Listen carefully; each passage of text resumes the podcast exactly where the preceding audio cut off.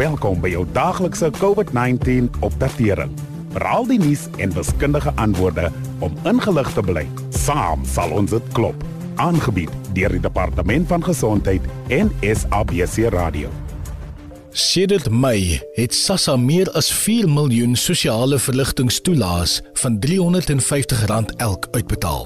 Tesame met 'n verhoging van ander toelaas, bied dit gedurende die pandemie noodsaaklike ondersteuning aan baie gesinne.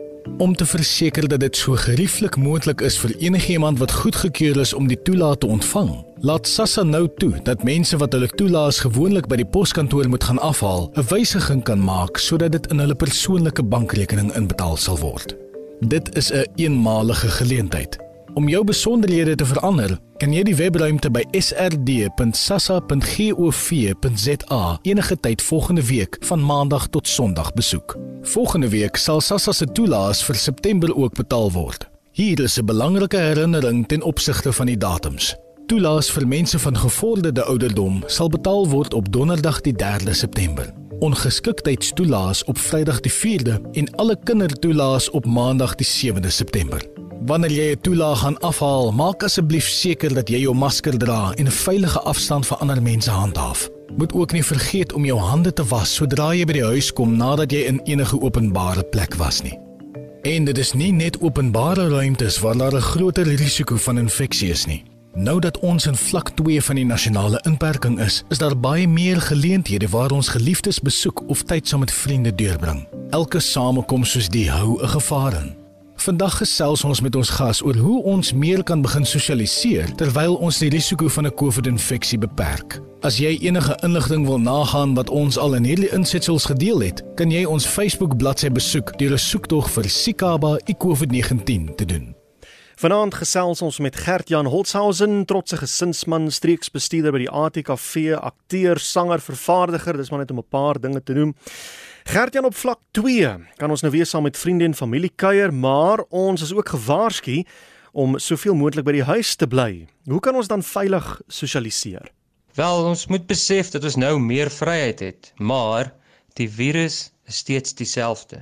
Dis gaan hierdie vryheid gepaard met 'n groter verantwoordelikheid. Voorkoming bly die sleutelwoord. En ongelukkig is die gewaarborgde manier om die virus se verspreiding te voorkom steeds om by die huis te bly en so min as moontlik te kuier. Maar ons bly sosiale wesens en ons moet ook aan hierdie emosionele en geestelike behoeftes aandag gee. So wanneer jy kuier, kuier veilig in klein groepies. Onthou dat ons nie met meer as 10 mense op 'n slag moet kuier nie. Wanneer jy moet kuier, bly minstens 1 meter van mekaar weg. En as jy jou masker afhaal om byvoorbeeld iets te eet of te drink, probeer nog bietjie verder as 1 meter van mekaar af weg te bly. Onthou, jy hoef nie simptome te hê om die virus te kan versprei nie. Dis waarom maskers en hande was so belangrik is. Dit wys dat jy diegene om jou liefhet en regtig vir hulle omgee. Jy het nou 'n paar voorbeelde daar genoem om veilig te kuier, sosiaal te verkeer. Kan jy miskien aan eh, nog so 'n paar praktiese wenke dink?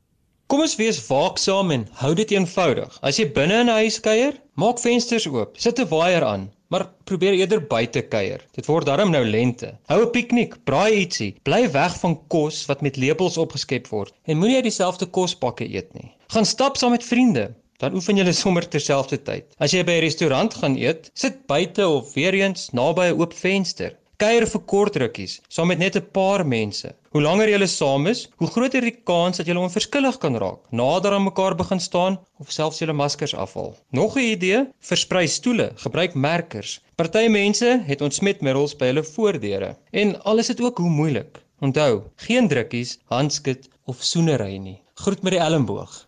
Ja, jy raak nou 'n sensitiewe saak daaraan want ons deel nie almal dieselfde siening oor sosialisering nie, selfs nie eers binne gesinsverband nie.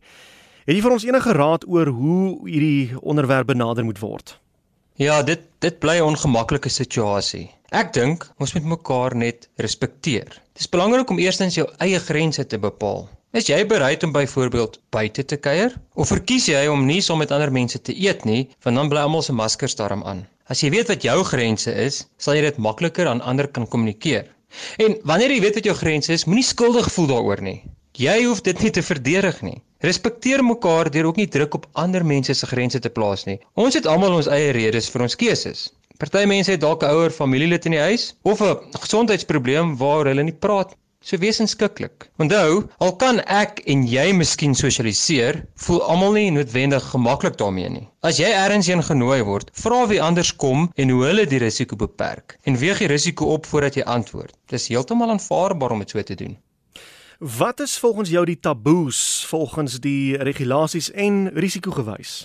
Teen hierdie tyd ken ons almal al die regulasies, maar dit is altyd goed om net weer daaroor te praat. Geen groot byeenkomste word toegelaat nie, behalwe by 'n geloofsgebaseerde instansie, troue of begrafnisse. Maar soos julle weet, mag ons dan selfs nie meer as 50 mense daar wees nie, want ons sien regtig dikwels opvlammings in COVID-19 gevalle na hierdie byeenkomste. Daarom is dit almal van ons se plig om saam te werk en hierdie soort verspreiding stop te sit. Ooievaars en verjaarsdagpartytjies, mondigwordings en selfs gradeplegtighede moet in klein groepies gebeur of selfs beter virtueel of deur die persoon geluk te wens terwyl jy verby ry of stap. Hierdie um drive-through ge gebeure of events is nogal baie gewild en dit wys net hoe kreatief ons te werk gaan om gesond en wettig te kan sosialiseer.